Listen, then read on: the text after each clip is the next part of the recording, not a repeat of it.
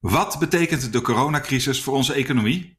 In de podcast Ongekend in Vredestijd zoek ik, Matthijs Bouwman, samen met Daan Ballegeer het antwoord op die vraag. Je kan ons vinden op bnr.nl, in de BNR-app en op alle andere podcastplatforms. Welkom bij CryptoCast 113. Hoi Madelon. Hoi Herbert. Hoe is het ermee? Ja, goed. We zitten er weer, hè? Heb je het verlies van je katten kunnen verwerken? Oh, nou, ik, ik vind het nog steeds heel, heel lastig.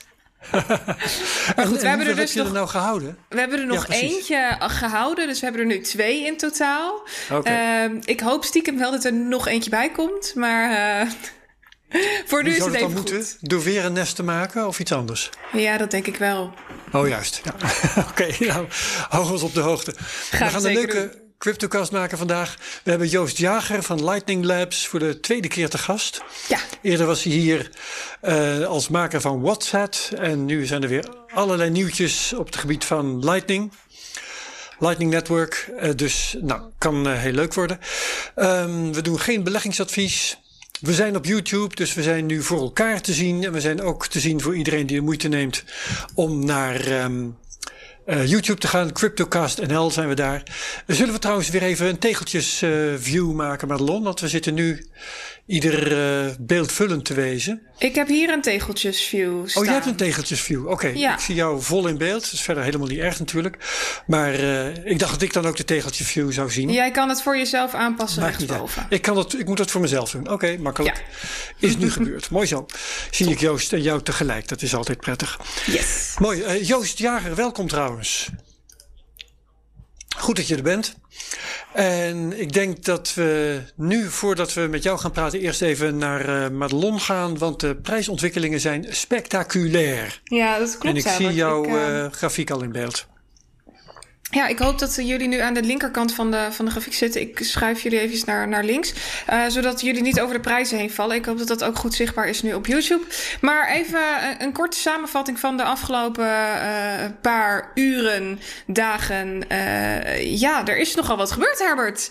De ja. prijs die, die, die is enorm gestegen. We hebben een, een hoogtepunt gehad van 9500 uh, dollar. En nee, dit gebeurde... 9500 uh, inderdaad? Vijf, ja, 9500 dollar. Dat was het hoogste wow. punt. Zo. En um, dit, dit gebeurde op relatief laag volume. Ik kreeg uh, op Twitter uh, behoorlijk wat vragen van mensen die zeiden... ja, Madelon, hoe kan het dat dit gebeurt? Waar komt dit vandaan? En heel eerlijk...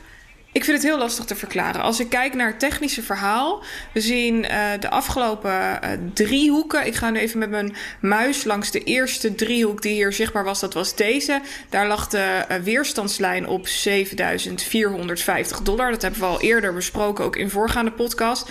Nou, daar brak de koers opwaarts uit. Maar dat volume, dat had één keer een volumespike en daarna viel dat eigenlijk terug. En dat is dan voor mij een teken, dit is geen krachtige beweging. Dit is een eenmalig iets, een miner of een, of een whale die hier in de markt iets probeert. Ja. En daarna zie je dan kleinere candles, kleinere candlesticks op deze uh, grafiek. Betekent vaak dat de koers weer terug gaat, dat hij omkeert. We zagen ook negatieve divergentie op de RSI. Niet hele sterke, maar het, was er wel.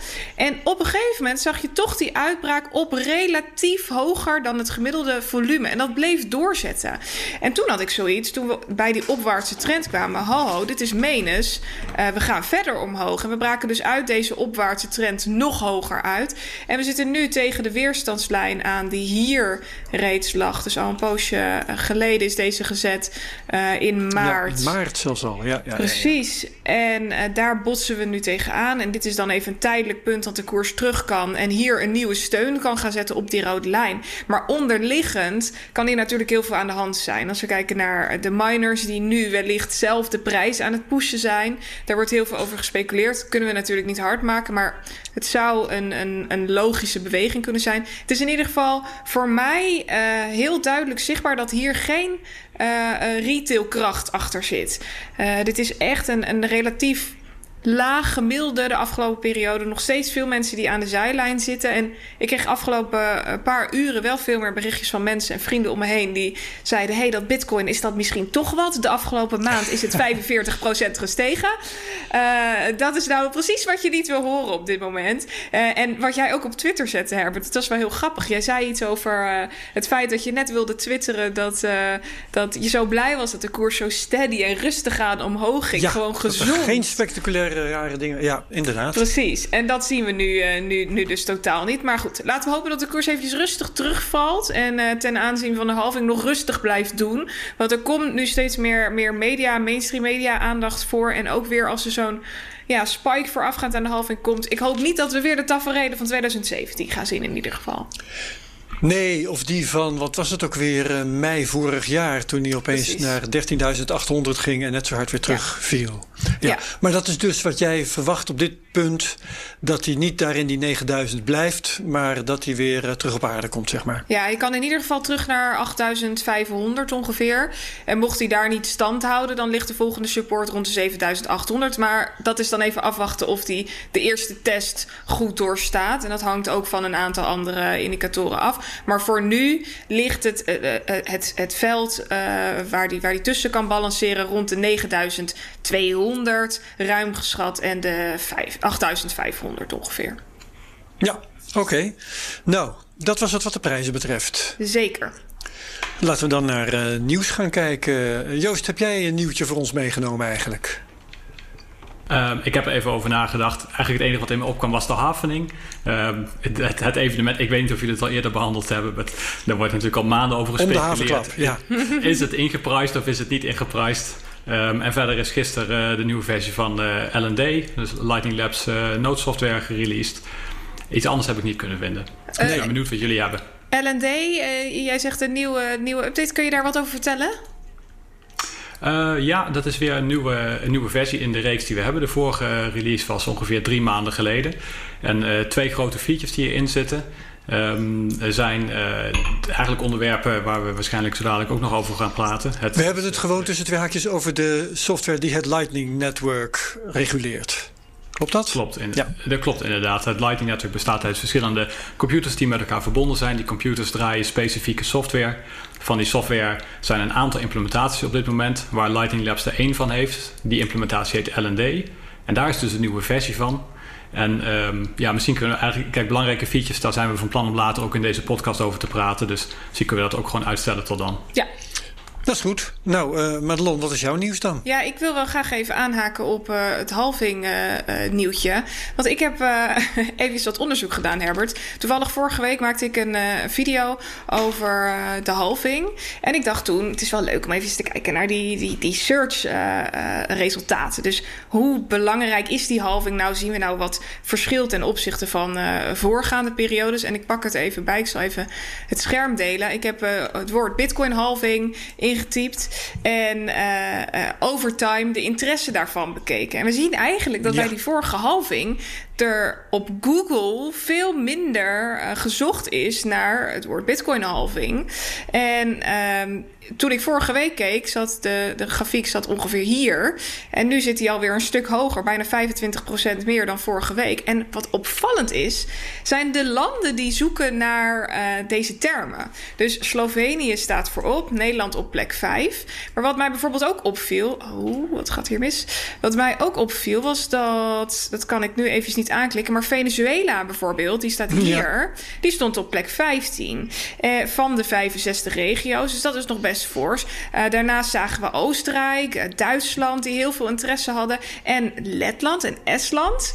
Uh, dus, dus het is heel, heel fascinerend om te zien vanuit welke landen er interesse is naar die Bitcoin-halving. En dat Nederland dan op plek 5 staat. Toch wel een beetje een, een frontrunner is, vind ik, vind ik interessant. En ik ben benieuwd hoe dit de komende weken zich nog gaat, uh, gaat ontplooien. Voorafgaand aan die halving en misschien ook wel na de halving strakjes. Ja, want uh, dit betekent natuurlijk wel dat er een behoorlijk groot bewustzijn is hè, van, uh, van het fenomeen. Zeker weten. En uh, dat mensen op de loer liggen. Ja. Veronderstel ik ook om daar wat mee te doen met die kennis. Ja, dat verwacht ik wel. Ja. Oké, dat, is, dat is leuk, dat is interessant. blijven we natuurlijk volgen. goed moment denk ik ook om even te zeggen dat we wel drie afleveringen in de pen hebben over de halving. Ja. Even uit mijn hoofd gezegd. Volgende week met Bas Wisselink. Die ook al, mm geloof twee keer eerder te gast is geweest. De week daarop met Mark van der Scheijs. Ja. Altijd een grote trekpleister. En de week daarop, dat is dan inmiddels de 21ste. Met Marcel Burger. Die eh, niet zo heel lang geleden ook nog uh, bij ons de, het werk van Plan B heeft zitten uitleggen. Ja. Dus dat zijn uh, drie big shots die die halving voor ons helemaal uit en te na gaan uitleggen. En natuurlijk ook de ontwikkelingen voor zover je daar al wat van kan zien rondom de halving zelf. Mm -hmm. de ontwikkelingen gaan verklaren die er werkelijk plaatsvinden.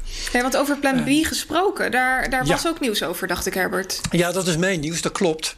En moet ik eens even kijken of ik mijn scherm met jullie kan delen. Eens even zien. Uh, dat doe ik nu. En dan heb ik hier volgens mij het verhaal van plan B. Um, Bitcoin Stock-to-Flow Cross-Asset Model heet het. Het is uh, zoals gebruikelijk verschenen op Medium. En uh, ik scroll er even doorheen, want er zijn een paar leuke plaatjes bij. Dit is het bekende plaatje natuurlijk van het model dat hij in zijn eerste artikel heeft gepresenteerd en dat door Marcel Burger onder andere is uh, geverifieerd. Of beter mm -hmm. omgekeerd heeft gepro geprobeerd het onderuit te halen en dat, heeft, dat is hem niet gelukt. Is niet gelukt? nee. Uh, het verhaal gaat, uh, hij vergelijkt wat er gebeurt rond bitcoin met faseveranderingen zoals bijvoorbeeld bij water. Water heeft ijs het is in de vorm van uh, vloeibaar water en het is in de vorm van waterdamp. Dat zijn drie vormen. En dan kun je ook nog verder gaan en zeggen van je, je kunt dat, uh, die moleculen kunnen uit elkaar vallen. Dan krijg je geïoniseerd water. Nou ja, ingewikkeld verhaal. Maar uh, dat soort verschillende fases onderscheidt hij ook bij Bitcoin. Dat laat hij hier zien in een plaatje dat hij volgens mij ontleend heeft aan een van zijn bronnen. Er zijn verschillende um, narratives noemt hij dat dan over Bitcoin. De eerste is de oorspronkelijke van, nou, dit is een proof of concept, hè, een voorbeeld van een soort van digitaal geld. De, ja. Het rode vlak, dat is een, goed, een, een netwerk voor goedkope betalingen. Het gele vlak, uh, even kijken, dat is uh, censuurbestendig digitaal goud. Nou, zo hebben ze allemaal hun verhaal. Het nieuwste en nog het minst vertegenwoordigd, dat is een uncorrelated financial asset, dus een, onafhankelijk, onafhankelijke financiële waarde. dat is de meest recente visie op Bitcoin, die uh, nog niet iedereen aanhangt. Want dat gele vlak, hè, dat. Uh, uh, anti-censuur digitaal goud. Dat is ook nog een hele sterke. Nou ja, dat zijn voor hem die verschillende verschijningsvormen van bitcoin. Te vergelijken met ijs, water, waterdamp. En uh, dan is deze grafiek dan laat hij zien hoe um, die verschillende verschijningsvormen eigenlijk zich in groepen ordenen. Als je bitcoin in grafiek brengt uh, met uh, op de verticale as de marktkapitalisatie en op de horizontale as de stock-to-flow verhouding. En dan zie je, ja, plan B zegt, je ziet vier groepen. Ik denk zelf, nou, je kunt net zo goed volhouden dat er drie zijn of vijf. In elk geval zijn ze hier heel duidelijk gescheiden door uh, wat ik maar opvat als de verschillende halvenings. Eén uh, in uh, 20, even rekenen, 2012 en 1 in 2016. Brengt dan wat scheidingen teweeg. En die gaat hij dan verder in grafiek brengen door ja, verschillende van die soorten, van die narratives rond Bitcoin daar te identificeren. Je ziet Geel als eerste mogelijkheid proof of concept. Dan oranje betalingsnetwerk. Meer oranje, donkerder oranje is digitaal goud. En de vierde is de mhm. financiële mm -hmm. asset. Nou, die liggen dan naar zijn mening op een perfecte rechte lijn. Dat is het volgende ja. plaatje. En dan gaat hij ook zilver en goud erbij halen.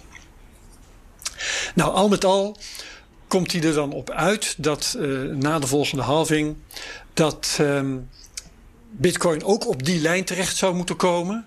En ik ga nu even, ik spring even naar de conclusie. Is hier in blauw aangegeven. Hij concludeert dat dit leidt tot een prijsverwachting voor Bitcoin tussen 2020 en 2024 van schrik niet 288.000 dollar. En ik denk dat uh, dit hem weer heel populair zal maken. Want er zijn natuurlijk massa's en massa's Bitcoin-fans die dit als muziek in de oren klinkt. En die niks ja. liever willen dan aannemen dat dit waar is. Ik heb zelf een lijst van zeven zwakke punten in dit verhaal. Die, maar die hou ik even lekker voor me. Omdat ik nou al lang genoeg aan het woord ben. En we krijgen over, even rekenen, drie weken na nu krijgen we Marcel Burger. Met wie we het al eerder over plan B hebben gehad. En misschien is dat een goed moment om uh, wat ik daarover te zeggen heb. Om dat aan Marcel voor te leggen. Ja. Die daar dan uh, weer het zijne over kan zeggen.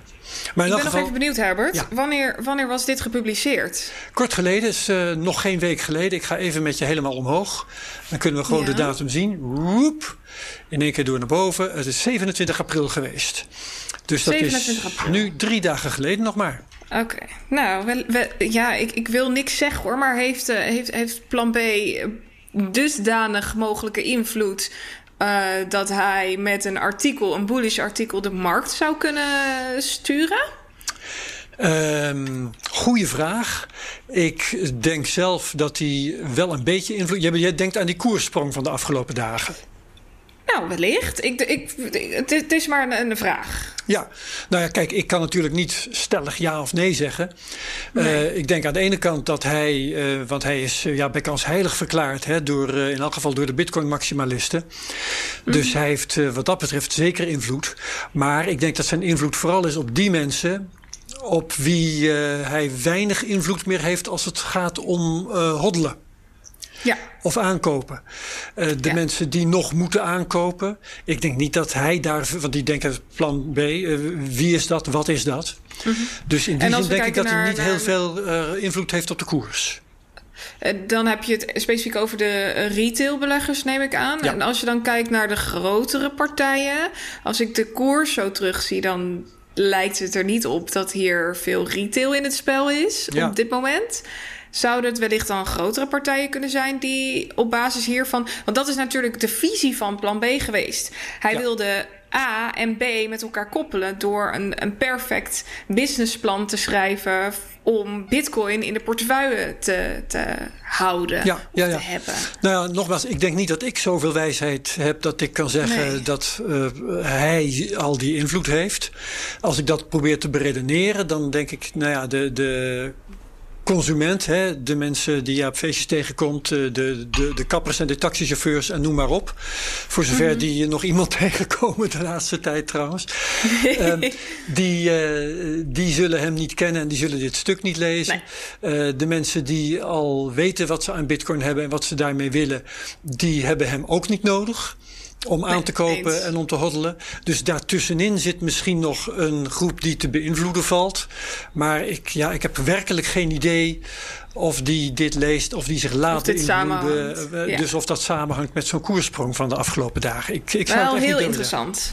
Ja, ja, in elk geval maakt het een hele hoop mensen vrolijk, denk ik. En uh, we zullen het verder wel zien. Zeker. Oké. Okay. Goed, nou dat is uh, mijn nieuws. Dan hebben we alle nieuws gehad, denk ik. Hè? Dan kunnen we met Joost gaan praten. Ja. Begin jij maar eens met, uh, want jij hebt... Oh, uh, ja, ik pak heel even het draaiboek erbij. Wacht even één moment. Inderdaad, dat ja, ik, even kijken waar ik die ook alweer had staan. Want die staat hier. Pik nogal wat bandbreedte in. Zeker en, weten. Hij is geopend inmiddels. Ja. Ik, uh, ik, ik heb Joost uh, benaderd naar aanleiding van het feit dat ik een bericht las op bitcoinmagazine.nl over Sphinx.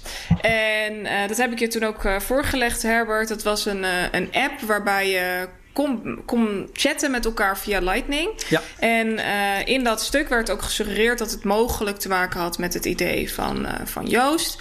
Dus Joost en ik hebben even contact gehad, maar het bleek niet zo te zijn dat dat uh, met elkaar verbonden was. Kun jij daar iets meer over, over vertellen, Joost? Over die, die, die app, die Sphinx-app en jouw um, interpretatie van chatten via Lightning als zijnde zet? Uh, ja, inderdaad. Nou, je zegt niet verbonden met elkaar. Maar in principe zijn WhatsApp en Sphinx Chat... die hebben hetzelfde doel. Het gaat beide over chatten over Lightning. En uh, naast deze twee dingen zijn er eigenlijk nog drie of vier andere eh, mogelijkheden om ook te chatten over Lightning. Dus je hebt voor C Lightning, dat is een, eh, een andere implementatie van die Node software, is bijvoorbeeld een chat plugin. Er is nog een mobiele app die heet Send Many. Daar kun je ook mee chatten. En er is ook nog een, een, nieuw iets uitgekomen recent. Dat heet Juggernaut. En daar kun je, kun je ook mee chatten. Dus de verbindenis tussen al die dingen is dat het allemaal chatten over Lightning is. En de details zitten eigenlijk met name in de implementatie. En als dus ik vragen mag, Joost, zijn, zijn, al die um, verschillende applicaties... zijn die helemaal los van elkaar ontwikkeld? Of zijn dat forks van één en dezelfde kern? Uh, Sphinx Chat uh, is als eerste begonnen. Uh, ik wist alleen niet van het bestaan daarvan, omdat het een uh, closed beta was toen ik zelf met WhatsApp aan de slag ging. En vervolgens zijn de andere die zijn eigenlijk daarop uh, door gaan borduren. En wat er ook is gebeurd, is dat voor WhatsApp heb ik uh, wat aanpassingen in, uh, in L&D kunnen maken. Mm -hmm. Omdat ik bij Lightning Dus dat is de basis, om, ja precies. Dat, ja, ja. ja, om, dat, om, dat, om dat hele chatproces te verder te stroomlijnen. En voor zover ik weet is Sphinx nu ook daarop overgestapt. Dus het is nu wel zo dat iedereen onderliggend hetzelfde mechanisme eigenlijk gebruikt om die berichten te versturen. Waar eerder het nodig was om nog allerlei exotische hacks te doen om dat voor elkaar te krijgen. Ja, en toen jij voor het eerst bij ons was, toen was WhatsApp eigenlijk nog maar heel primitief. Hè? Je had het net uh, geopen sourced en beschikbaar gemaakt. Ik herinner me nog dat ik aan je vroeg, hebben al veel mensen aan de code gesleuteld en jou daarmee geholpen? Dat was toen niet het geval. Is dat intussen anders? Hoe, hoe, schets eens hoe ver je bent met het hele project? Ja, nou, mijn eigen betrokkenheid bij het project is, is drastisch afgenomen, dat ik met andere dingen verder ben gegaan. Maar um, Sandmany is eigenlijk wel het beste voorbeeld. Dat is een andere ontwikkelaar die mij op Twitter benaderde en vragen is gaan stellen over hoe dat nou werkt, dat WhatsApp. En die heeft dus uh, ja, helemaal zelfstandig een uh, mobiele app daarmee uitgebouwd, waarmee je zowel uh, betalingen kan doen als ook chatberichten kan, kan sturen. En de precieze details van die andere projecten die ook chatten over Lightning doet, die heb, die heb ik niet in detail gevolgd. Ik kan daar verder niet zoveel over zeggen. Ook niet over hoeveel gebruikers dat nou heeft. Ik zie dit meer als het zaaien van een idee. Um, en dan kijken in hoeverre de community dat oppikt. Of er een probleem geïdentificeerd wordt wat uh, op, een, op een bijzondere manier hiermee kan worden opgelost. Waardoor het meerwaarde krijgt boven de bestaande chat uh, applicaties. Ja, oké. Okay. En daar ben je inmiddels, dat heb je nu inmiddels losgelaten. En vandaar dat je je nu hebt kunnen focussen op, op de andere projecten waar we zo dieper uh, op ingaan. Ja, dat klopt. Nou ja, losgelaten. Het is vooral dat op de infrastructuurlaag. Ja. Uh, ik, ik beschouw dat ik mijn werk heb gedaan in feite. En uh, nu, nu speelt het gebeuren zich verder op de applicatielaag af. Dus ja, ik heb het wel losgelaten, maar het voelt voor mij niet alsof ik niet af heb gemaakt, laat ik zo zeggen. Nee, precies. Oké, helemaal duidelijk. Um, nog heel eventjes voordat we beginnen met, met de andere projecten, Joost. Ik denk dat het goed is om even terug te gaan naar de basis. Uh, ik heb op Twitter gisteren uh, uh, mensen gevraagd of ze vragen aan jou hadden. En daarbij kregen we eigenlijk heel veel basisvragen terug. En eentje was van Tom de La Haye. En hij zei, kun je mij eigenlijk de, de basics van Lightning eens uitleggen? Dus ik heb bijvoorbeeld x aantal bitcoin. Hoe zet ik dat dan om of op het Lightning netwerk? En hoe verstuur ik dat dan? Of gaat dat dan via, alleen via bepaalde wallets? Kun je het basisprincipe nog even een keer uitleggen? Ja, ik kan het uitleggen. Gaan we ervan uit dat de vraag waarom wil je Lightning, dat dat wel duidelijk is? Mm -hmm. Nou, voor ons in ieder geval wel. De, de bedoeling van Lightning, laat ik het even in mijn woorden zeggen, is dat je uh, kleine bedragen goedkoop en snel kunt uh, verplaatsen. Ja. met andere woorden, dat je de belangrijkste bezwaren van Bitcoin, zoals het oorspronkelijk functioneerde, dat je die ondervangt. Ja, ja, inderdaad. En ook, en ook vooral dat elke Bitcoin-transactie op 10.000 computers opgeslagen staat en dat dat totaal niet schaalt naar ieder kopje koffie wat op dit moment ja. wordt afgerekend ja. in de wereld. En, en, ik heb het zelf wel eens, als, als ik uh, dat, die beeldspraak er nog even bij mag uh, halen. Uh, een, een Lightning kanaal heb ik wel eens vergeleken met een kladje. Waarop je met elkaar bijhoudt wat je voor elkaar betaald hebt. En wat je elkaar nog schuldig bent. En afrekenen doen we later wel. Ja. ja, exact. Dat is het. Het is alsof je met z'n tweeën in een café zit. Je stopt allebei 10 euro in de pot. En vervolgens gaan beide partijen die gaan dingen uh, kopen. En de ander moet eigenlijk de helft ervan betalen. En uh, via dat kladje wordt eigenlijk bijgehouden wat is de stand van zaken. Hoeveel recht heeft iedereen nog op wat er in die pot zit. Maar die pot die wordt niet aangeraakt totdat je naar huis ja, gaat. Ja, en, Zo moet en, je het eigenlijk zien. En een, een Lightning kanaal is zo'n pot. Als je het kanaal opent, dan stop je geld in de pot. Als je het kanaal sluit, dan haal je het er weer uit. En daarmee bespaar je dus uh, dat je dus al die tussentransacties allemaal op de blockchain moet gaan zetten. Met de kosten en de vertraging van dien. Ja, zeker. En de vraag van die twitteraar is dus, uh, Tom de Lahey was het hem, uh, Madelon, um, is hoe, hoe organiseer je zo'n kanaal? Hoe maak je dat? Hoe zet je daar geld in? Hoe regel je dat? Ja, hoe werkt dat? Ja. ja. Ja, nou je moet in ieder geval eerst bitcoin hebben. Anders dan kun je het niet in de pot stoppen, want die pot daar gaan alleen bitcoins in. Dus laten we daar even mee beginnen, dat je dat hebt. En vervolgens heb je dus so die node software nodig, waar we het uh, al uh, eerder even over gehad hebben. Je hebt die software nodig, die moet je draaien. En uh, vervolgens stuur je je bitcoins naar die software toe. En op dat moment komt de vraag op, met wie ga ik een kanaal maken? Dus dat is de volgende stap. Je moet bepalen met wie je een kanaal wil maken. Want niet ieder kanaal is even ja. nuttig. Je wil graag een kanaal maken met een plek op het netwerk vanuit waar je ook andere mensen kan bereiken. Je wil niet een kanaal maken met een doodlopend pad. En als je dat gedaan hebt, je hebt besloten met wie je het kanaal wil maken, dan kun je dus je software opdracht geven om jouw bitcoins die daar uh, zijn aangekomen, om die te gebruiken. Um, ja, om dat kanaal met de uitgekozen persoon te openen. Ja, en in feite, want ik heb het zelf een keer meegemaakt. Ik heb uh, de BLW, de Bitcoin Lightning Wallet heet het waarschijnlijk gewoon. Die heb ik ooit eens een keertje geïnstalleerd. Ik laat dan maar even kijken of ik dat zonder reflecties... Uh, nou ja, zo ziet het er dan ongeveer uit. Mm -hmm. um, als je die installeert, dan krijg je, als ik me goed herinner, gewoon het verzoek van: uh, nou ja, uh, geef nu maar aan met wie je uh, een kanaal wilt openen en hoeveel bitcoin je daarin wilt zetten. Hè? Zo is het toch ongeveer, Joost? Ja, ja, klopt. Dat is het en dan is het in feite ja, een bepaald. Zo'n kanaal heeft ook een eigen Bitcoin-adres. Daar moet je dan gewoon die bitcoins heen sturen vanuit je eigen wallet. En dan komt het, dan komt het verder in orde. Um, ja, dat, wat je nu beschrijft is eigenlijk wel iets geavanceerder. Meestal is het zo dat je eerst je bitcoins verplaatst naar laten we zeggen, de wallet van die node software. Ja, het is allemaal verwarrend, wallets en wallets. Ja. Eigenlijk klopt het wat je zegt. Het zit in je wallet en je stuurt het naar het kanaal toe. Klopt. Ja, oké. Oké, okay, en heel, eventjes simpel, uh, simpel terug naar de basis. Uh, Wilbert die vraagt het volgende. Kan een leek al Lightning gebruiken zonder een node op te zetten? Dus bijvoorbeeld gewoon het downloaden van een app. Ja, nou, dat hangt er dus heel erg vanaf uh, op welke manier je het wil doen. Er zijn eigenlijk drie niveaus waarop je het kan doen, grofweg. Je kunt zeggen, ik wil Lightning gebruiken, maar ik doe het eigenlijk bij de bank. Wat betekent dat het geld wat je op Lightning hebt eigenlijk helemaal niet van jou is. Dat staat gewoon ergens anders. Dus okay. er zijn apps waarmee je dat kan doen. Custodial ook wel genoemd. Dus daar loop je dus enorm risico mee. Op het moment dat die aanbieder verdwijnt, dan is je geld ook weg. Ja. Maar het is wel de meest gebruiksvriendelijke manier om het te doen. Want omdat die bank eigenlijk alle kanalen al heeft, die heeft eigenlijk alles al. Kun je gewoon direct verzenden en ontvangen. Je hoeft verder nergens over na te denken. Het ziet er helemaal niet uit als Lightning, maar het, je kunt daarmee dus wel Lightning betalingen doen. En, uh, ja, en zo'n bank, uh, als ik even mag onderbreken, zo'n bank is dan geen echte bank, hè, want daar kan ik het me niet van voorstellen eigenlijk. Maar dat is gewoon iemand of iets Klopt. die zich daarvoor aanbiedt. En die noem jij dan even een bank. Klopt, regelgeving technisch is super ingewikkeld. Ja. Dus uh, dat is, ja, ik weet niet hoe ze dat doen, maar het uh, gebeurt in bepaalde, in bepaalde landen. Eén uh, stap daaronder is dat je zegt: Nou, mijn geld is wel mijn eigen geld. Daar kan niemand aankomen. Maar verder uh, geef ik niet zoveel om privacy. Ik vind het niet erg dat uh, een server ziet waar ik naartoe betaal. Want een van de eigenschappen van Lightning is ook dat je dat, um, dat je dat in principe anoniem kan doen. Dus je kunt betalingen doen zonder dat um, iemand weet dat jij het gedaan hebt. Nou, dit is eigenlijk een trade-off waarbij je zegt van ik wil wel mijn eigen geld, maar dat hele routeren wat je dus hebt, dus bepalen via welke route, via welke kanalen ik naar de bestemming ga, dat besteed ik uit. En dat komt de gebruiksvriendelijkheid ten goede. Um, alleen, ja, het is niet optimaal voor privacy. Dat is, laten we zeggen, eigenlijk het tweede niveau waarop je het kan doen. Dat zijn bijvoorbeeld wallets van, uh, van Async. Die hebben, die, die hebben dat model gekozen. En dan is er nog een derde model waarbij je zegt... Nou, ik wil eigenlijk gewoon alles zelf doen. Ik wil mijn eigen geld hebben. Ik wil ook maximale privacy houden.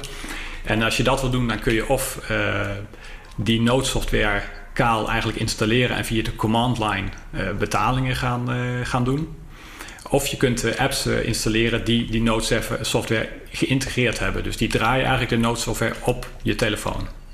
Ja, nou nu je dit zo vertelt, hè, denk ik van nou oké, okay, uh, ik zou niet eens weten, die Bitcoin Lightning Wallet die ik heb, waar, onder, in welke categorie valt die? Nou, die jij net genoemd ik, hebt? Ik ben niet erg expert op uh, wat de ontwikkelingen zijn, maar ik geloof in de middelste categorie. De middelste, okay. ja. Nou goed, ik ben niet iemand van de command line, dus dat, uh, dat zou in elk geval kloppen. dus met andere nee, woorden. die laatste optie hoeft niet per se de command line te zijn. Hè? Dat uh, alles in eigen beheer. Je hebt ook apps op een telefoon die alles zelf proberen te doen. Maar er zijn gewoon hele lastige trade-offs bij. Je moet altijd online zijn bijvoorbeeld, wat er lastig is bij een telefoon, batterijverbruik, et cetera. Dat gaat maar door. Nee, goed. Maar ik, ik ben geen hardcore hacker. Dat wil ik ook maar even zeggen over jouw hoofd heen tegen de luisteraars. Dus het feit dat ik zoiets uh, op mijn telefoon heb en, het, en dat ik het. Uh, ik, ik heb ermee kunnen betalen. Dat dat kan. Dat betekent dat het toch al redelijk eenvoudig geworden is. Dat uh, niet meer nodig is om die command line te beheersen. Ik vind dat we een heel eind gekomen zijn. De uitdaging zit er vooral in om het gebruiksgemak van de eerste categorie te hebben met de voordelen van de derde. Ja, en er ja. is geen fundamentele reden waarom dat niet mogelijk is, maar het is wel heel veel werk. En waarom, waarom is dat er nu nog niet? Want er was inderdaad ook een vraag van iemand die zei: Ja, als het allemaal zo ingewikkeld is. Ik, hij, hij zei: Ik heb best wel veel kennis, maar als het zo ingewikkeld is, hoe gaat dit dan ooit mainstream worden? Nou, Lightning is onder de motorkap gewoon best ingewikkeld. Je hebt het gebeuren met die kanalen. Er zijn allerlei vragen die beantwoord moeten worden. En uiteindelijk voor de juiste gebruikerservaring moet het allemaal geautomatiseerd worden. Dus het gaat niet alleen maar over het Lightning-netwerk zelf veilig hebben. Maar ook al die beslissingen die daar dan weer bovenop komen, die moeten ook allemaal geautomatiseerd worden. Ja, en dat is, dat is gewoon nog heel veel ontwikkelwerk om dat voor elkaar te krijgen. Oké, heb, je, heb je een bepaald idee hoe, hoe lang dat kan duren voordat de gemiddelde leek uh, dit zou kunnen, zou kunnen toepassen? Ja, uh, ja, dat hangt natuurlijk vanaf met hoeveel mensen wordt hier uh, aangewerkt. Ja. Maar ik zou zeggen, in het huidige tempo dan zijn we echt nog wel een aantal jaar bezig voordat dat uh, in die richting komt. Kijk, als Bitcoin ontploft en het aantal investeringen gaat keer 100, dan wordt het natuurlijk een ander verhaal. Maar ja. En jij draagt daar natuurlijk vanuit uit Lightning Labs aan bij. Kun je ons en de luisteraar nog een keer uitleggen wat het is wat jij bij, bij Lightning Labs doet? Ja, ik ben dus um, softwareontwikkelaar en ik werk um, voornamelijk aan L&D, dus de, de noodsoftware, dus de, de, kern van de, de Lightning infrastructuur. En uh, ja, da, daar zijn nog gewoon nog heel veel open, open punten die opgelost moeten worden, zowel functioneel als ook um, bepaalde randvoorwaarden, zoals kun je het, kun je het, veilig, uh, kun je het veilig draaien, ook met backups bijvoorbeeld uh, goed geregeld. Mm -hmm. Um, dus dat is één deel van mijn werk. En daarnaast ben ik ook uh, lead developer van het uh, Loop project. En Loop dat is eigenlijk een uh, commerciële service van, uh, van Lightning Labs om het mogelijk te maken om je kanalen bij te vullen. En om ze juist uh, leeg te laten lopen. En, want dat wil je namelijk soms als je verwacht dat je geld moet gaan ontvangen.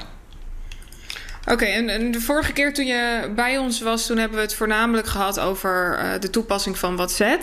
En in de tussentijd heb je uh, ontzettend veel andere projecten gedaan. En een van de projecten was TLV Shop, als ik het goed zeg. Kun je daar wat, uh, wat meer over vertellen? Ja, ja TLV Shop, eigenlijk is het een soort van evolutie ook van WhatsApp op een bepaalde manier.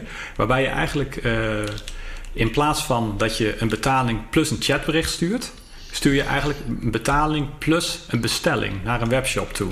Dat is eigenlijk waar het op neerkomt. En TLV Shop, Shop dat was eigenlijk een, een, demonstrator van dat concept. Er was maar één product te kopen op TLV Shop. Dat zijn een pakket van drie stickers. En uh, die drie stickers die kunnen besteld worden door eigenlijk een chatbericht te sturen. Net zoals in WhatsApp. Met daarin je adres. Dat is eigenlijk alles wat het is. Alleen het, krachtige hieraan is dat je dus niet zoals bij een normale webshop eerst op een website gaat rondkijken, dan uh, een winkelwagentje gaat vullen. En als je daar dan klaar mee bent, dan zeg je nou nu ga ik afrekenen. Dan krijg je bijvoorbeeld een bitcoin invoice te zien en die, en die betaal je dan. Het verschil hierbij is, is dat die stap er eigenlijk helemaal niet is. Als jij een klant bent, dan kun je een bestelling plaatsen zonder dat je ook maar ooit een directe netwerkverbinding hebt gemaakt met die site. Dus je kunt die stickers bestellen en er even vanuit gaan dat je ze niet op je huisadres gaat afleveren, maar ergens anders. Je kunt die stickers bestellen zonder dat te achterhalen is van wie die bestelling eigenlijk komt. En dat is toch wel een vrij unieke manier, uh, een unieke mogelijkheid die het Lightning-netwerk biedt. Je zou het kunnen vergelijken met als je uh, een bankoverschrijving doet naar een webshop en je zet in, in de omschrijvingregel je huisadres. Um, nou, de webshop ziet die betaling binnenkomen, die ziet wat je wil hebben, die ziet je adres en stuurt het op. Het enige probleem met een bankoverschrijving is dat het natuurlijk duidelijk is wie de tegenpartij is van die betaling. En uh, met, met Lightning kun je dus uh, zo'n zo'n bestelling doen en als uh, koper totaal anoniem. Ja, behalve dan dat als er iets eigenlijk... gestuurd moet worden dan, en, en, je geeft dat adres, dan heeft in elk geval de winkel dat ja. adres. Dan, dan, kan het geëncrypt zijn en dan kan misschien dat niemand dat meekijken. Maar als dan de politie op, of wie dan ook op de deur klopt bij die winkel en zegt: Ik heb hier een gerechtelijk bevel, kom maar even op met dat adres, dan hang je toch. Ah, absoluut, ja. Dat, dat, dat, is niet echt geschikt voor mij. Ehm, het, misschien draait je dingen niet bestellen naar je huisadres, bestel je iets voor iemand anders. Het is ook gewoon een fundamenteel iets, zeg maar. Moet je een bestelling kunnen plaatsen zonder daarmee je identiteit prijs te geven. En je hebt eh, wellicht ook digitale services die je eh, wil afnemen, waarbij je dus niet zit met een uh, postadres. Een digitale sticker, een digitaal boek, software, noem maar op. Dat muziek, films, dat kan allemaal. Ja. Ja, of wellicht ook onze eigen die loop service waar, ik het, waar we het volgens mij vorige keer ook over gehad hebben. Dat is ook een digitale service op het Lightning netwerk. En um, dat zou ook op zo'n manier geïmplementeerd kunnen worden. En verder is het ook zo dat het op een bepaalde manier ook de implementatie van zo'n webshop versimpelt. Ja. Je hoeft niet een winkelwagentje bij te houden. Er komt een bestelling en de betaling gewoon in één keer. Vervolgens kijk je, heb ik dit spul op voorraad? Is de, is de prijs die betaald is, is het hoog genoeg? Zo ja, dan accepteer je de betaling en ga je de order verzenden. Zo nee, dan kun je de betaling weigeren. En dan, dan, dan is, er, is er eigenlijk niet gebeurd, zeg maar. Dus ook geen, geen sprake van een refund bijvoorbeeld. In de basis betekent het dus eigenlijk dat je ook gewoon een bestelling offline zou kunnen doen. Dus uh, stel, ik krijg hier een folder in de brievenbus. Ik zoek wat leuks uit. Ik doe gelijk mijn betaling. Ik zet daarin mijn, mijn huisadres zonder dat ik zeg wie ik ben, hoe oud ik ben, uh, et cetera. Alle dingen die je normaal bij een webshop wel moet invoeren. Je e-mailadres, allemaal niet nodig. Je IP-adres met name, dat Precies. lijkt van jou. Ja. Ook dat. En dan kan ik dus gewoon offline die bestelling plaatsen. Het enige wat ik nodig heb is die, die transactie. Ja, nou ja, offline. Ah, kijk, uiteindelijk voor Lightning moet je natuurlijk online zijn. Maar het is zo dat het enige wat het netwerk op gaat, is die Lightning betaling met daarin al je details. En uh, dat is eigenlijk het idee. Het is eigenlijk een beetje net als met WhatsApp. Je moet er wat fantasie bij hebben van waar het naartoe kan gaan leiden. Um, maar ja, het is toch wel weer een nieuwe mogelijkheid die ik wel leuk vond om uh, samen met mijn collega's op deze manier te demonstreren. Maar is het eigenlijk ook, ook raar dat, dat dat nu in de huidige economie niet kan? Dat ik niet gewoon vanaf mijn bankrekening een transactie kan doen zonder dat ik mezelf hoef aan te melden bij een website en al mijn gegevens achter hoef te laten? Ja. Nou, wat het probleem met bankoverschrijving is natuurlijk dat je die niet kan weigeren. Die gaat, die gaat heen. En als het dan volgens niet goed, dan moet hij weer terug. Dat is natuurlijk veel onhandiger. Terwijl in Lightning kun je interactief op het moment dat die betaling binnenkomt, kun je nog eens even gaan bekijken wat ga ik hiermee doen als website. En uh, ja. En jullie hebben dus dat, uh, dat project uh, opgestart. Ehm, hoe, hoe verliep dat? we waren op een, uh, we waren een bijeenkomst waar we met z'n allen bij elkaar kwamen. We zijn een remote team, dus twee keer per jaar komen we allemaal bij elkaar. Dat was nog voor het hele vlieggebeuren dat niet meer doorging. En um, ja, we waren aan het brainstormen, we zullen wat leuks doen. En toen hebben we besloten, laten we dit gewoon even snel in elkaar zetten. Iemand had al stickers, Run L&D stickers. Mm. En um, toen dachten we, we gaan dit gewoon even snel bouwen en, uh, en live zetten. En hoe, hoe snel was het, uh, was het live? Uh, we hebben een paar, dagen, okay. een paar dagen over gedaan. Ik denk vier dagen of zo totdat we live waren. Ja. Oké, okay, en, en toen stond dat. Toen ging dat lopen. Moesten mensen die stickers versturen. En, en daarna? Ja, dat was het eigenlijk. We hebben orders gekregen. We hebben stickers in enveloppen gestuurd en opgestuurd, ja. En is dit eigenlijk hetzelfde als, als met WhatsApp? Je, je zet iets neer en je hoopt dan in deze dat dit wordt opgepakt... en dat bedrijven hier uh, mee aan de slag gaan, of ontwikkelaars? Ja, exact, exact, ja. Ja, we zijn natuurlijk voornamelijk een infrastructuurbedrijf. Dus dingen als een, een, een mooie user interface op dit soort dingen bouwen en de specifieke toepassingen verzinnen, dat is niet iets voor Lightning Labs. Mm -hmm. um, maar we willen wel zoveel mogelijk mensen inspireren om natuurlijk de adoptie van dat Lightning netwerk te laten groeien. En uh, juist in de gebieden waar het uniekste uh, toe te voegen heeft, zoals bijvoorbeeld bij de micropayments, maar ook bij dit, bij deze specifiek, dit specifieke betaalmechanisme, daar zijn natuurlijk kansen voor, uh, voor adoptie. Verwacht jij dan ook dat er bedrijven zijn die hiermee mee echt aan de slag gaan? Ik kan me niet voorstellen dat het niet gebeurt op langere termijn. Mm -hmm. Maar welke termijn dat exact is, dat, dat weet ik zelf ook niet. Ik vind het wel bijzonder dat. Um zo in een paar dagen de aantal programmeurs die steken daar toch werk in. Hè? Dat hebben jullie dan ja. gedaan. Um, en dat dat dan zomaar weggegeven wordt. Lightning Labs is toch een commercieel bedrijf. Waarom gaan jullie dat niet gewoon vermarkten? Ja, ja je, dat is de afweging. Hè? Als je er geld voor vraagt, dan uh, gebruikt misschien niemand het. Hmm. Omdat het toch nog heel erg in het beginstadium is. En uh, je kunt ook zaaien op deze manier en hopen dat het... Uh, ja. ja. je, moet toch, je moet toch je markt creëren hiermee met Lightning. Ja, jullie overwegen... Ja. En het gaat toch het beste door dingen gratis weg te geven. Precies, dus als mensen dat maar gebruiken, dan neemt de waarde van wat jullie, van wat jullie verder maken gewoon toe. Ja. Ja, dat is duidelijk. Oké, okay, er was nog een ander project waar je het uh, over gehad hebt. En nu opent mijn draaiboek niet, maar het was iets met anchor commitment. Als ik, me ja. niet, als ik het goed uitspreek. ja. Anchor commitments inderdaad, Ja, ja. oké. Ehm, ja, dus de commitment, dat is eigenlijk dat briefje waar we het eerder over hebben. Dat briefje wat je, wat je steeds zeg maar update terwijl je in het café zit. Oké. En, en nu, is het zo bij, nu is het zo met Bitcoin dat eh, op dat briefje daar staat een transactie en daar zit ook een transactiefee aan. In Bitcoin moet je gewoon geld betalen voor transacties. En hoeveel dat is, dat hangt af van de markt. Soms gaat de fee-markt heel erg omhoog. En in 2017 was die zo hoog, ik weet niet wat je moest betalen voor een transactie. Het was heel veel. 50 En- dollar soms. Ja, en eh, de situatie waar dit over gaat, is dat je dus samen met die persoon in het café zit. En eigenlijk ehm, rent hij gewoon in één keer de deur uit. Daar komt het eigenlijk op neer. En die pot die zit nog steeds op slot met zijn sleutel. Dat is eigenlijk het punt. Je hebt alleen dat laatste briefje wat je met hem hebt opgesteld.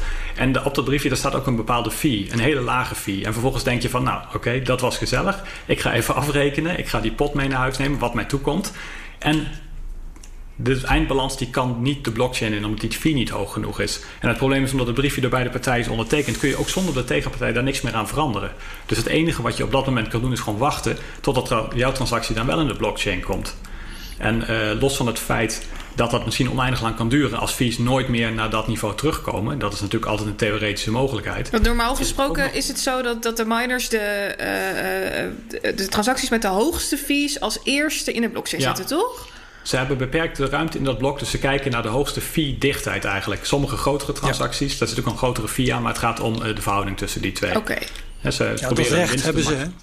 Ja, ze mogen zelf kiezen wat ze willen, dus ze zullen altijd dat kiezen. Dus dan En kan als jouw transactie... Dus dan kan het zijn dat je je channel wil sluiten, maar dat dat, dat, dat niet lukt, omdat er eh, zo'n lage fee op zit dat het maanden misschien wel blijft, blijft hangen, omdat die miners dat niet willen doen.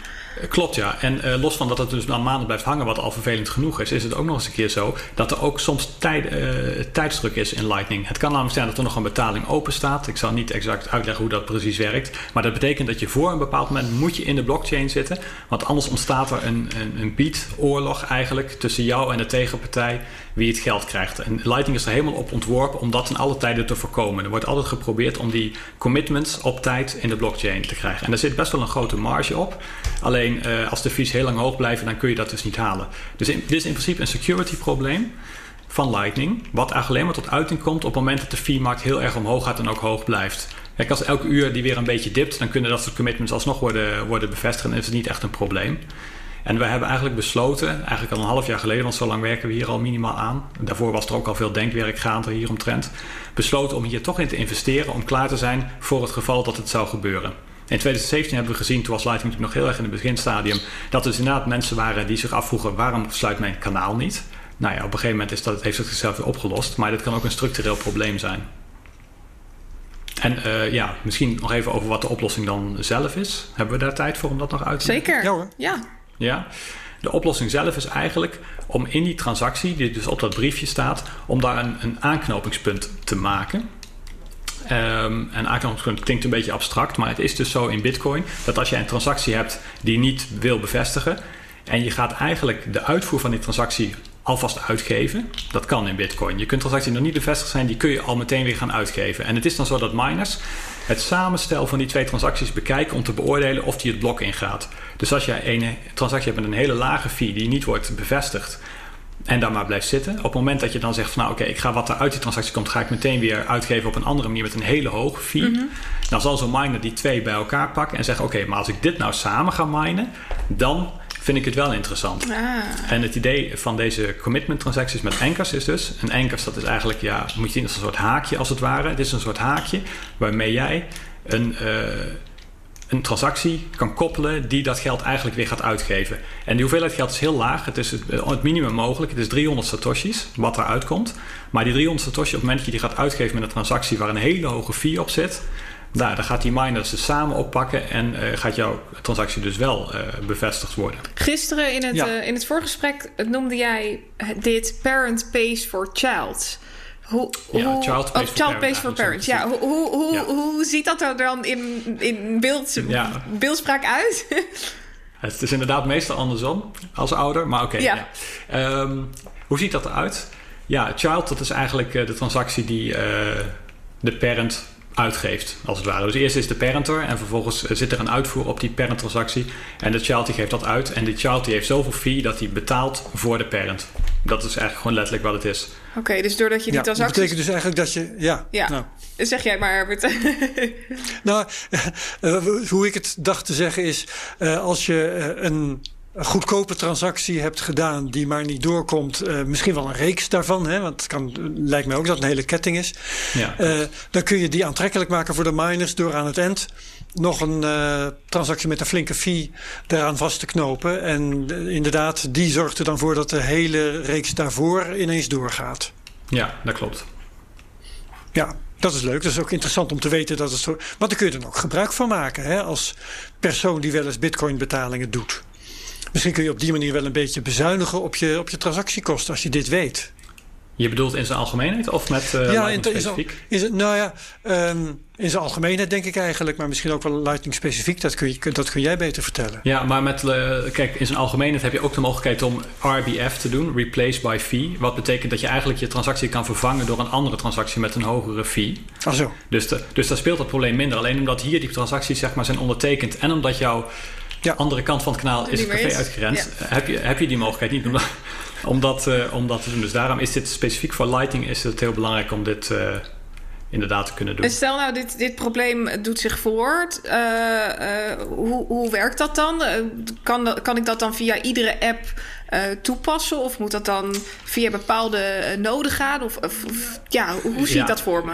Ja, dit is inderdaad echt veel, veel stappen vooruit. Want punt 1, het is, zit nu in de 0.10 versie die we nu net Oh, oké. gereleased hebben. Maar, Oh. wel als ex, maar wel als experimentele feature. Ja. Wat betekent dat je daar toch wat minder van op aan kan qua betrouwbaarheid dan de normale kanaaltypes. Punt 2 is dat het specificatieproces nog steeds in beweging is. Er zijn allemaal heftige discussies over hoe dit exact in detail moet werken. Want er zijn heel veel details die hier een rol bij spelen. Om dit, het klinkt even misschien niet altijd ingewikkeld op deze manier, maar er zit heel veel achter. Ehm de specificatieproces is nog niet afgerond. Het zou kunnen dat de specificatie nog wijst en dat wij onze implementatie daarop aan eh, gaan passen. Ehm, en eh, het betekent, wij zijn ook de enige implementatie, zover ik weet, die dit ook echt eh, gebouwd hebben al. De anderen die, die zijn erover na aan denken, maar die hebben het nog niet, nog niet gereleased zoals wij dat hebben. Ehm, ten derde is het zo dat als je dit wil doen, kan het alleen maar via de command line. Oh, Eh, dan moet je via de command line aan gaan geven van oké, ga een child transactie maken en, en dit moet dan de transactie fee daarop worden. Eh, dus er is ook nog helemaal geen wallet support voor dit, om dit te doen.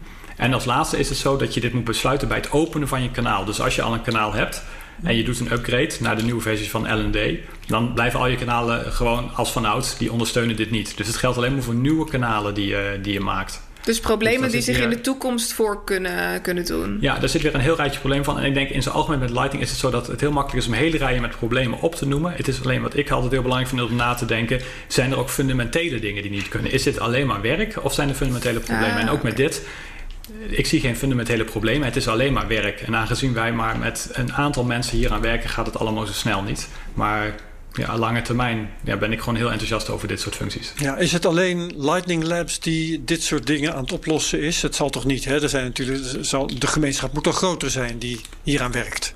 Ja, er zijn vier, vijf eh, implementaties eh, op dit moment in verschillende stadia van eh, volwassenheid. En dan heb je ook een hele groep, groep mensen die vooral ook meedenkt, bijvoorbeeld de mailinglist antwoorden schrijft. Er zijn ook Bitcoin Core developers die niet direct aan Lightning werken, maar die soms wel over Lightning gerelateerde vraagstukken nadenken. En daar is ook eh, soms bepaalde requirements die van de Lightning teruggaan naar, eh, naar Bitcoin Core. Omdat er eh, bepaalde dingen noodzakelijk zijn om het Lightning goed te kunnen laten werken. Ja, Ik heb nog, eh, nog één laatste eh, punt op de agenda staan. En dit was een, een, een, update, als ik het zo mag noemen, waar lang naar uitgekeken werd. En dat ging over multipath payments. Kan jij eh, kort het, het, probleem schetsen waar dat om ging? Ja. ja, dus tot voorheen was het bij Lightning altijd zo dat als jij een betaling doet, dat die betaling maar via één kanaal kan lopen. Die kan via één van jouw kanalen kan lopen. Dus hij, hij neemt wel een aantal stapjes over het netwerk, maar het is eigenlijk één route die gevolgd wordt en daarmee moet de betaling voldaan worden. En dat betekent als je twee kanalen hebt van allebei 10 euro, dan kun je daarmee geen betaling van 20 euro doen. Want eh, ieder kanaal is maximaal 10 euro groot. Dus de maximale betaling die je kan doen is 10 euro. En dat is iets wat gewoon heel erg verwarrend is. Want als je kijkt, oké, wat is mijn saldo? Nou, mijn saldo is 20 euro. Dat zit in allemaal kanalen bij elkaar. Maar wat kan ik betalen? Ik kan maar 10 betalen. Ja. En ehm, ja, en dat is uh, iets waar al heel lang over gepraat wordt. De oplossing is ook al lang duidelijk. We moeten die, die, die betalingen moeten in stukken gaan hakken. Die stukken allemaal onafhankelijk van elkaar over dat netwerk sturen. Dus als ik 20 moet betalen, stuur ik eigenlijk twee betalingen van 10. En aan de ontvangende kant uh, worden die uh, betalingen als het ware weer samengevoegd. En ja, de betaling wordt als voldaan gemarkeerd eigenlijk. Zo moet je dat zien. Oké, en, en, en, uh, en, en, de specifieke toepassing daarvan, is dat iets wat al in, in een gevorderd stadium is? Of is dit ook nog echt heel erg in de, in de basis? Nou, het, het aardige hiervan is dus de, deze feature die is dus ook in de, de release van gisteren uh, beschikbaar gekomen. Ja. Um, en het aardige hiervan is, is dat hier heel weinig um, user interface aspecten aan zitten. Dus eigenlijk werkt het grotendeels automatisch. Op het moment dat je een betaling doet, Voorheen zou die mislukken omdat je geen groot genoeg kanaal hebt om het uit te voeren. En nu uh, wordt er automatisch gezocht, laten we zeggen bijna automatisch één vlaggetje wat ergens gezet moet worden. Uh, wordt er bijna automatisch gezocht naar meerdere routes als het niet lukt om het via één route te doen. Dus dit is iets waarvan je veel sneller support in uh, kunt, kunt gaan verwachten. Oké, maar dat is er op dit moment dus nog niet. Maar je zei net al, het gaat over werk. Dat kost tijd. Heb je een idee hoe lang het duurt voordat dit verholpen zou zijn? Uh, nou, ik weet niet exact wat de stand van zaak is, maar ik heb wel gehoord dat veel wallets die zijn nu bezig met het testen van hun wallet software tegen LND versie 10. Ja. En uh, ja, vanuit daar de stap om dit ook echt aan te zetten, want het is letterlijk alleen maar een kwestie van aanzetten. Het lijkt me minimaal en zeker gezien dit zo'n uh, lang verwachte feature is, kan me niet anders voorstellen dat dat enkele maanden dat de wallet apps daarmee zullen komen. Maar goed, ik heb daar verder geen directe invloed op. Oké, okay, jij had het net ook over uh, dat je werkzaam bent uh, onder het onderdeel uh, Loop. Nu is er ook een combinatie waarbij Loop gecombineerd wordt met die multipath payments. hoe, Help mij hoe, trouwens hoe eventjes, wat is Loop ook weer? Oh ja. Ja, ja oké, okay, bij Loop... Um, er zijn eigenlijk twee varianten. Loop in en loop out heb je. Laten we even beginnen met loop in. Op het moment dat je een kanaal hebt en je hebt alles wat in het kanaal zit uitgegeven en je wil nog meer uitgeven, dan kun je eigenlijk niks met dat kanaal. Want de balans in het kanaal ligt helemaal bij de andere partij. Als het ware op dat briefje in het café, daar staat 0 en 10 en jij hebt 0. Dus ja, je moet, ja. Een nieuwe, je moet, eigenlijk, je moet eigenlijk een nieuwe pot openen. En wat je met loop in kan doen, is dat je zegt, nou ik ga geen nieuwe pot openen, maar ik ga een server, de loop server in dit geval, die ga ik op een alternatieve manier geld betalen. En die gaan dat geld, die gaan ze naar mij toesturen. En omdat het naar mij toegestuurd wordt, komt dat uiteindelijk via mijn eigen kanaal binnen. En zal die balans in dat kanaal weer naar mij toe schuiven. Dus loop-in is eigenlijk een manier, een alternatief voor het openen van een nieuw kanaal, wat weer geld kost. Um, het alternatief is om je huidige kanaal als het ware um, bij te storten. Hoe noem je dat? Op, op bijstorten. Ja, opwaarderen. Ja, op te toppen. Ja, opwaarderen, zo heet ja. dat. Ja. Dus dat is, dat is wat je met loop-in kan doen. En loop-out, dat is eigenlijk het omgekeerde, waarbij je eigenlijk zegt van ik wil geld wegsturen door mijn kanaal. En dat krijg ik dan via een omweg weer terug. En die omweg, dat is uh, typisch een, een on-chain betaling die je krijgt. Dus dat gaat helemaal buiten het Lightning-netwerk om. Er wordt on-chain wordt jouw geld betaald. Maar het belangrijke aspect ervan is dat je dus geld naar buiten duwt door je kanaal. En de reden waarom je dat zou willen doen, is wat ik eerder ook al zei, is omdat je verwacht geld te ontvangen. Als je bijvoorbeeld een webshop bent, dan heb je leveranciers die zullen ongetwijfeld niet op het Lightning-netwerk aangesloten zitten, maar jouw klanten wel. En jouw klanten die zijn de hele dag jouw betaling aan het doen. Dus dat geld stroomt allemaal jouw kant op. Totdat er op een gegeven moment geen mogelijkheid meer is voor klanten om jou te betalen. En wat je dan eigenlijk wil doen, is je wil eigenlijk zelf een grote betaling maken. Ideaal gezien wil je een betaling naar een leverancier maken. Maar dat kan nog niet, omdat die leveranciers er niet op zitten. Dus wat je dan doet, is je maakt een betaling naar de loop server.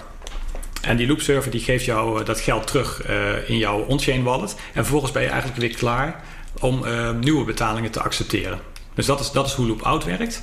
En dan uh, de koppeling met multipath payments is dat je vervolgens eigenlijk een multi-loop out kan doen. Dus je moet het eigenlijk zo zien dat je, je bent een, een, een merchant, je hebt 20 kanalen. Die 20 kanalen, die, dat geld is allemaal naar jou toegekomen gedurende de dag. En vervolgens doe je aan het eind van de dag één lightning betaling, waarbij je de capaciteit van die 20 kanalen combineert. Het wordt gewoon één grote push van geld als het ware naar die loop server. En die loop server die stuurt het vervolgens on-chain door, bijvoorbeeld direct naar een exchange uh, deposit adres. Dus merchants die toch wel liefst een tegoed aanhouden in fiat. En die willen graag het geld wat ze hebben opgehaald elke dag in bitcoin willen ze terugruilen naar fiat. Dus ze kunnen met één operatie doen ze dat geld allemaal die loop server en krijgen het op een exchange waar ze het kunnen verkopen als ze, als ze willen. En dat betekent dat hier dus maar in totaal twee on-chain transacties bij nodig zijn. Een loop bestaat uit twee transacties, maar dat is het dan ook. Dus je hebt 20 kanalen die in één klap allemaal uh, op zo'n manier beïnvloed dat je weer maximaal geld kan ontvangen de volgende dag met twee on-chain transacties. Wordt dat dan gesloten? Hoe, hoe, moet ik me dat dan voor me zien? Want eigenlijk push je dus het geld weer terug naar de andere kant van het kanaal, terwijl het via een achterdeurtje naar een exchange uh, wordt overgeboekt, om het zo maar even simpel te zeggen. Ja, dat klopt. Dus uit, uiteindelijk kunnen uh, uh, mensen die, die merchant dan weer opnieuw betalen, betalingen sturen, omdat dat geld zeg maar teruggepusht is. Ja, klopt. Zo werkt het inderdaad. En Loop, ja, zijn die kralen die... Ja. Loop, dat staat dus bij jullie? Ja, Loop is de service die wij aanbieden inderdaad om dat te doen. En ook om dat te doen op een manier waarop je geen vertrouwen in ons hoeft te hebben. Dus dat werkt met uh, hashes en pre-images op zo'n manier gedaan. Dat Lightning Labs die kan dat geld nooit stelen. Want pas op het moment dat jij die on-chain betaling accepteert... op datzelfde moment onthul je een geheim... waarmee Lightning Labs jouw uh, off-chain betaling kan claimen. Dus dat, uh, daar zit geen risico aan dat, uh, het is niet custodial, laat zo zeggen. En dit is dan wel een commerciële functie, lijkt, lijkt mij. Ja, ja daar, zit een, daar, daar, zit een fee op, op die, op die loop service. Het is momenteel heel laag, maar er zit een fee op. Het is commercieel. Oké. Mooi. Dit soort dingen, ja, het, het, zijn allemaal details die moeten worden ingevuld. Dus ik, met alle respect natuurlijk. Het zijn soms best grote dingen. Het is, het is alleen maar werk, zeg jij zelf al. Um, heb jij zelf uh, niet nu en dan de gedachte van... Uh, jee, uh, was het maar wat minder werk, dan was het sneller af? ja, dat zou wel fijn zijn. Ja. het is wel heel bijzonder dat we zo'n ingewikkeld systeem nodig hebben... om mogelijk te maken wat we mogelijk willen maken. Echt schaalbare bitcoin-transacties. Um, maar ja, ik zoals ik eerder al zei, ik zie gewoon geen fundamentele showstoppers hier. Dus dat is wel heel motiverend om daar op deze manier aan door te blijven werken. Dat snap ik ook. En dat dit allemaal plaatsvindt bij, bij uh, Bitcoin. Stel nou in een, in een raar geval dat Bitcoin het niet wordt. Is dan al het werk voor niets? Uh, dat, dat crypto het niet wordt of Bitcoin? Bitcoin. Wordt? Bitcoin. Ja, ik denk dat heel veel dingen ook prima op andere coins van toepassing zijn. Oké, en, en, en, stel nou dat, dat crypto het niet zou worden in een heel raar parallel universum. um, ja, ik, de, nou, dat, uh, Jij bent er heilig van overtuigd. Ik denk dat het dan, ik denk dat het, nee, ik denk dat het dan lastig wordt om hier een toepassing voor te vinden. Laten we Kijk, maar okay, als we terug gaan naar spiegeltjes en kraaltjes, dan is al Joost's werk voor niks geweest. ja, precies. Ja, ja, dat zou toch zonde zijn. Even kijken hoor. Ik had nog een vraag van uh, Starnold, denk ik dat, het, dat je het zo uitspreekt. En uh, dat gaat over uh, die Lightning Loop en de payment channels. Ik weet niet in hoeverre deze vraag al beantwoord is. Ik zal hem je alsnog even stellen, Joost. Hoe staat het ervoor met Lightning Loop en het rebalancen van de payment channels? Dat klinkt als wat... Ja, er zijn eigenlijk... Ja. Dat hebben we grotendeels behandeld inderdaad. Alleen rebalancen, dat is nog iets breder. Dus Lightning Loop zou je ook kunnen zien als een vorm van rebalancen. Dus dat je zeg maar, de balans zo zet van je kanaal als jij het wil.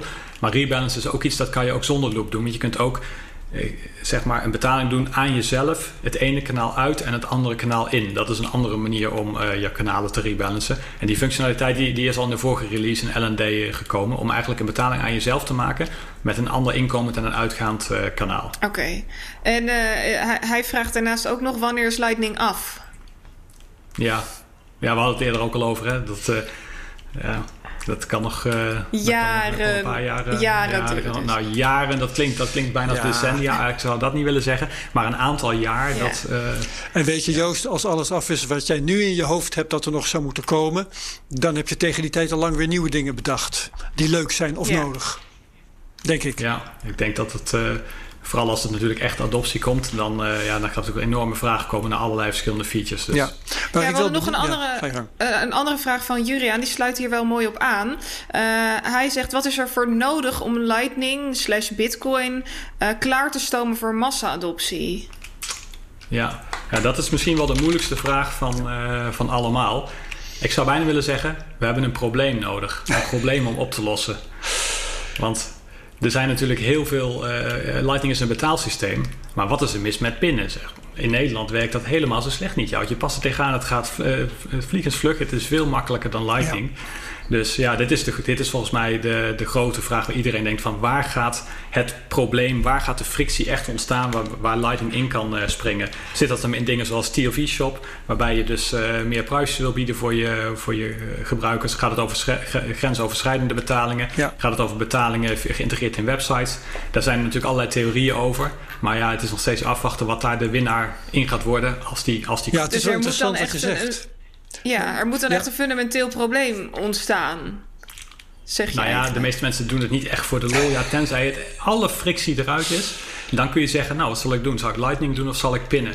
Uh, maar ja. ik denk toch wel dat we toch wel voordat het moment is dat we toch ook wel iets anders nodig hebben. Ja, want het, het probleem dat Lightning geacht werd op te lossen, dat was het, nou ja, verschillende. Het probleem van de, de, de schaalbaarheid in één woord, maar goed, de fees en de snelheid en, en dat soort zaken. Um, maar dat is pas echt een probleem als mensen heel graag met Bitcoin willen betalen. Ja. Of omgekeerd, het probleem dat Lightning geacht werd op te lossen, was nou net dat me, mensen niet, niet zo nodig vinden om met Bitcoin te betalen. Um, zou, zou ik het zo kunnen zeggen? Je hebt een probleem nodig in de orde van hyperinflatie, namelijk iets wat mensen uh, min of meer dwingt om bitcoin te gaan gebruiken. Waarna die problemen van bitcoin pas echt problemen worden die Lightning oplost. Ja, maar zelfs hyperinflatie kun je zeggen van nou, ik, ik, ik, ik stal 90% van vermogen in bitcoin en ik betaal nog steeds in de supermarkt ja. met mijn pinpas. Mm. Lightning is toch echt wel een betaalsysteem. Dus zelfs dan uh, zou ik zeggen, dat is het toch niet ja, helemaal. Ja, ja, ja. ja, dat is wel spannend als je het zo... ja. Ja, het is een, het is een, uh, ja, het, het is toch een, uh, echt een, een, een, hoe het, inzetten op een, op een behoorlijk andere toekomst. Ja, ja, ja. ja maar om, om het nou even prikkelend te verwoorden, je weet dus eigenlijk helemaal niet of je wel een echt probleem aan het oplossen bent. Of het probleem dat je aan het oplossen bent moet eigenlijk nog komen. Uh, nou ja, alle problemen bestaan al wel, maar het probleem moet echt nog groter worden. Eigenlijk. Veel mensen moeten het, veel mensen last, moeten het probleem krijgen. krijgen. Laten we het zo ja, zeggen. Ja, ja. Oké. En dat kan wellicht ook door externe omstandigheden, dingen, bepaalde regelgevingszaken of uh, ontwikkelingen in de wereld. Ja, dat is natuurlijk echt een kristallenbol verhaal. Ik ben wel benieuwd, omdat we net hebben aangekondigd dat we een paar afleveringen straks over de halving gaan uh, praten. Um, wat die halving voor jou betekent voor mijn part privé, maar uh, ook wel in relatie tot je werk, als, als daar een invloed te vinden is. Ja, ja ik denk dat. Ik, van de ene kant heeft het heel weinig invloed op het werk, want uh, Lightning het is een betaalsysteem totaal onafhankelijk van de Bitcoin-koers. Het is hetzelfde als. Is een pinautomaat minder nuttig als de dollar stijgt? Um, ja, dat zou je eigenlijk hetzelfde kunnen noemen. Maar het is natuurlijk wel zo dat gewoon het enthousiasme, dat wordt toch grotendeels door de koers bepaald, ja. Is de realiteit. En enthousiasme, dat is goed, want dan gaan mensen kijken wat is het eigenlijk. Ja. Die komen Lightning tegen, die komen op leuke ideeën. Dus ja, in die zin is uh, number go up is toch, uh, is, toch, is toch belangrijk voor ons. Ook al maakt, doet het helemaal niks aan of af aan het hele Lightning systeem zelf. Ja, dat is duidelijk. Had je nog meer vragen aan Joost te stellen, Madelon? Nee, ik heb uh, alles nu behandeld. Ik was nog wel benieuwd naar de uh, komende projecten voor de komende ja. periode. Dat is dan mijn, uh, mijn laatste vraag. Ja, nou, er zijn een heel aantal grote zaken die zijn toch gebouwd al de afgelopen tijd. Zoals die multipath payments en die anchors. Dat waren echt wel grote dingen. En uh, het is in die zin is het wat rustiger aan het worden. En de focus gaat ook wat meer uh, verschuiven naar, ja, je zou het kunnen noemen, like enterprise features. Dus eigenlijk het meer volwassen maken van wat we al hebben. Dus het mogelijk maken bijvoorbeeld meerdere servers te hebben. Als er eentje down gaat, dat je nog een andere hebt waar je betaalverkeer op kan, uh, op kan afhandelen. Um, of het maken van uh, uh, op een goede manier die backups maken. Want dat is ook een heel kritisch iets bij, bij Lightning. Als je die backups verkeerd maakt, dan, uh, dan kun je ook geld verliezen. En dat is ook specifiek waar jij aan, aan meewerkt, aan meedenkt?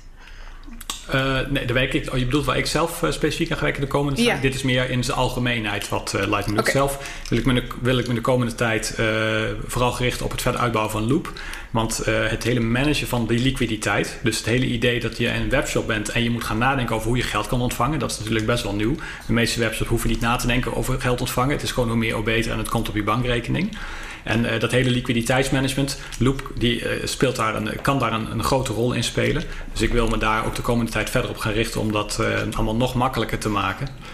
dat er niet zo'n hele lange uitleg nodig is om uit te leggen hoe kun je nou een Lightning betaling accepteren als merchant. Mhm. En dat er toch meer tools voor zijn om dat allemaal te automatiseren. Het eerder ook al zei, dat werk wat er ligt. Eigenlijk iedere vraag waarvan je denkt, waarom moet je deze vraag stellen? Om dat gewoon eigenlijk overbodig te maken. Tof. Mooi. Dan uh, gaan we het hierbij laten. Joost, dankjewel voor je toelichting, voor je uiteenzetting. En natuurlijk ook heel veel succes bij het uh, ontwikkelen van uh, nieuwe mooie dingen voor Lightning. Waar je dan ongetwijfeld ook weer ja. bij ons over komt vertellen. Over pak een beet, een paar maanden, halfjaartje of zo. ja hoor, ik, uh, het was graag gedaan en ik vond het leuk om hier Oké, okay, hartstikke geweldig. Uh, Madelon, wij uh, zijn er volgende week natuurlijk weer. Ik had het al gezegd, ja, Bas Wisselink komt dan praten. Hij heeft trouwens corona gehad, wist je dat? Oh nee, dat is hersteld. Niet. Ja joh. Oh, gelukkig. Oeh. Ik heb geteld, er zijn intussen vier gasten van mijn podcast uit het verleden... die intussen corona hebben gehad. Zo. een, en allemaal, daar gaat het allemaal goed mee nu? Allemaal hersteld, ja. Nee, ik heb nog geen ernstige gevallen meegemaakt. Geen, niet, niet gehoord. Nou ja, wel mensen die echt goed ziek zijn geweest. Bas gelukkig niet, maar uh, geen uh, sterfgeval of iets dergelijks. Gelukkig. gelukkig. Hoe dan ook. Uh, volgende week dus Bas Wisseling. Gaan we echt naar die halving kijken.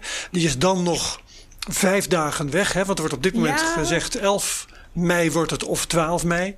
Nou, dus precies tussen de volgende aflevering en die daarna in. Heel mm -hmm. spannend en leuk. Um, nou ja, en voor de rest, uh, iedereen uh, ga naar Twitter en deel onze afleveringen. Ga naar iTunes en doe daar reviews. Ga naar YouTube. Hier, de abonneerknop hieronder in het scherm. Klik like en subscribe en de hele mikmak. Yes. Precies. CryptoCast NL. En uh, dus al met al heel graag tot volgende week, tot de volgende CryptoCast. Dag allemaal.